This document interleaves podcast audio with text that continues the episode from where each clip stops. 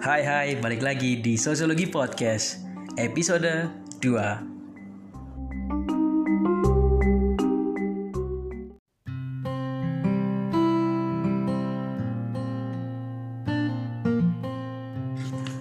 Harta yang paling berharga adalah keluarga. Mungkin kamu pernah mendengar lagu itu ya. Dan memang lagu ini cukup hits ya. Banyak yang menyukai lagu tersebut dan ini merupakan soundtrack dari film yang luar biasa judulnya Keluarga Cemara. Uh, keluarga memang dianggap sebagai hal yang sangat penting ya. Di Indonesia keluarga itu dianggap sebagai harta yang paling berharga gitu ya. Bahkan tanggal 15 Mei itu diperingati loh sebagai hari keluarga internasional. Nah sebenarnya apa sih arti atau makna dari keluarga? Menurut sosiologi Keluarga adalah sebuah kelompok domestik inti dari orang-orang yang terkait satu sama lain, bisa karena ikatan darah, perkawinan seksual, ya, dan ikatan hukum. Ya, jadi ini misalnya gini nih, ada kakak dan adik kandung ya, itu kan disebut keluarga tuh. Kenapa? Karena mereka memiliki ikatan darah. Kemudian pasangan pria dan wanita yang melakukan perkawinan seksual, itu juga dikatakan keluarga.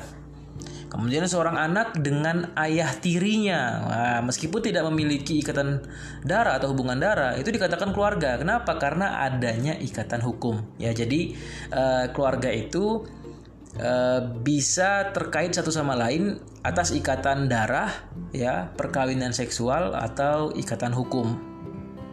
Nah, pasangan pria dan wanita yang melakukan perkawinan seksual yang menikah gitu ya sederhananya kita bilang menikah dan memiliki anak dia otomatis memiliki dua keluarga nah yang pertama keluarganya disebut keluarga orientasi Nah, keluarga orientasi adalah keluarga di mana seseorang itu dilahirkan ya. Jadi, keluarga saat e, seseorang itu belum menikah, nah dia berasal dari mana? Nah, itu disebut keluarga orientasi.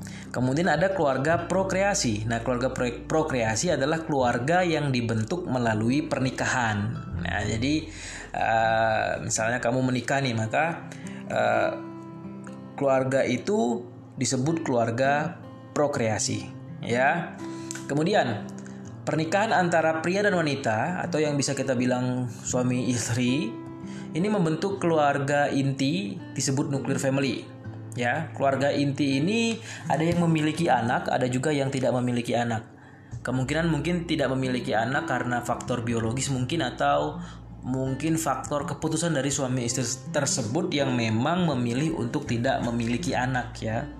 Nah selanjutnya keluarga ini apa sih fungsinya gitu dalam kehidupan masyarakat? Oke apa sih yang menjadi fungsi keluarga sehingga kita bisa katakan bahwa uh, keluarga kita sudah menjalankan fungsinya dengan baik. Nah, kita harus pahami dulu apa fungsi dari keluarga. Nah, pertama adalah fungsi biologis atau reproduksi. Nah, untuk keluarga prokreasi ini ya, pastinya uh, seseorang banyak yang menikah dengan alasan ya untuk memenuhi kebutuhan biologisnya ya, kebutuhan seksualnya. Di mana uh, melalui pernikahan ya dengan dibentuknya sebuah keluarga maka terjadilah uh, perkembangbiakan ya berupa keturunan. Nah, jadi keluarga ini dianggap sebagai uh, sarana untuk reproduksi gitu. Kemudian selain fungsi biologis atau fungsi uh, reproduksi, keluarga itu juga memiliki fungsi proteksi atau fungsi perlindungan. Jadi di mana uh, keluarga ini berfungsi dalam memberikan perlindungan bagi seluruh anggota keluarga. Jadi salah satu uh, alasan kenapa sih seseorang itu membentuk sebuah keluarga adalah untuk memperoleh keterjaminan dan perlindungan baik secara fisik maupun psikologis. Nah, itu fungsi uh, proteksi. Kemudian ada fungsi ekonomi. Nah, fungsi ekonomi ini dianggap sangat penting sekali ya, karena memang keluarga ini uh, merupakan pendukung utama ya bagi kelangsungan hidup uh, manusia gitu di mana fungsi ekonomi terdiri dari uh, pencarian nafkah mungkin kemudian perencanaan dan penggunaannya kemudian uh, apa namanya memenuhi kebutuhan pendidikan mungkin. Nah, itu juga termasuk fungsi ekonomi.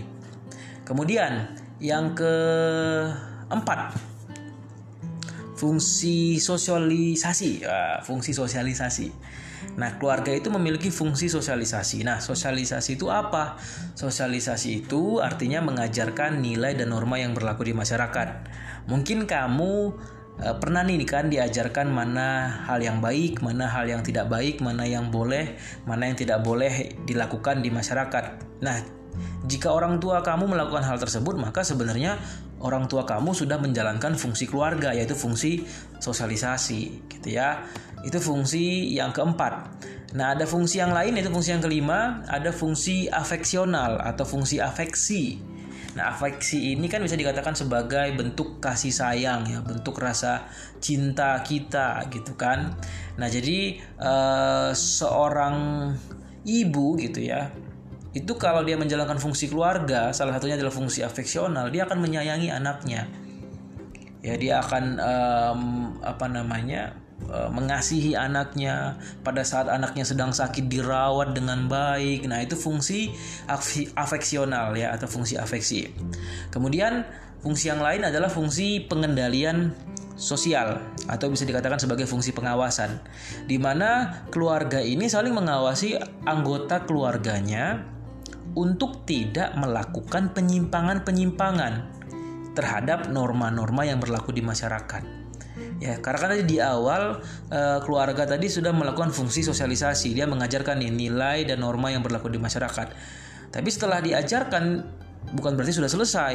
Selanjutnya adalah bagaimana mengawasi atau mungkin mengendalikan perilaku anggota keluarga untuk tidak uh, melakukan penyimpangan-penyimpangan dari norma-norma yang berlaku dalam masyarakat yang tadi sebelumnya sudah diajarkan pada saat pelaksanaan fungsi sosialisasi. Nah, itu yang termasuk dari fungsi-fungsi keluarga. Ada fungsi uh, reproduksi sebagai fungsi utamanya tadi ya, kemudian ada fungsi uh, proteksi, perlindungan, fungsi ekonomi, fungsi sosialisasi, fungsi afeksi, dan fungsi pengawasan atau pengendalian sosial. Nah, di masyarakat Indonesia yang cenderung semuanya mayoritas ya mayoritas menganut agama. Nah, ada satu fungsi yang biasanya dijalankan dalam keluarga di Indonesia, yaitu fungsi religius. Di mana keluarga berfungsi religius maksudnya adalah keluarga berkewajiban dalam memperkenalkan dan mengajak anaknya serta anggota keluarga lainnya untuk hidup beragama sesuai keyakinan yang dianut. Ya, jadi oleh karenanya memang orang tua itu biasanya e, menciptakan kehidupan keluarga yang religius. Nah biasanya orang tua, misalnya ada orang tua nih beragama uh, Islam misalnya, maka dia akan mengajarkan nilai-nilai Islami kepada anak-anaknya gitu ya, ajaran-ajaran agama Islam kepada uh, anak-anaknya, sehingga tercipta kehidupan keluarga yang religius yang menjalankan nilai-nilai agama sesuai dengan apa yang diyakini gitu, apa yang dianut gitu. Jadi kurang lebih itulah yang menjadi fungsi keluarga. Nah, dari fungsi keluarga tadi yang saya sudah sebutkan, yang sudah saya jelaskan, nah apakah keluarga kamu sudah menjalankan fungsi dari lembaga keluarga tersebut? Oke. Sampai jumpa lagi di Sosiologi Podcast bersama saya, Pak TB.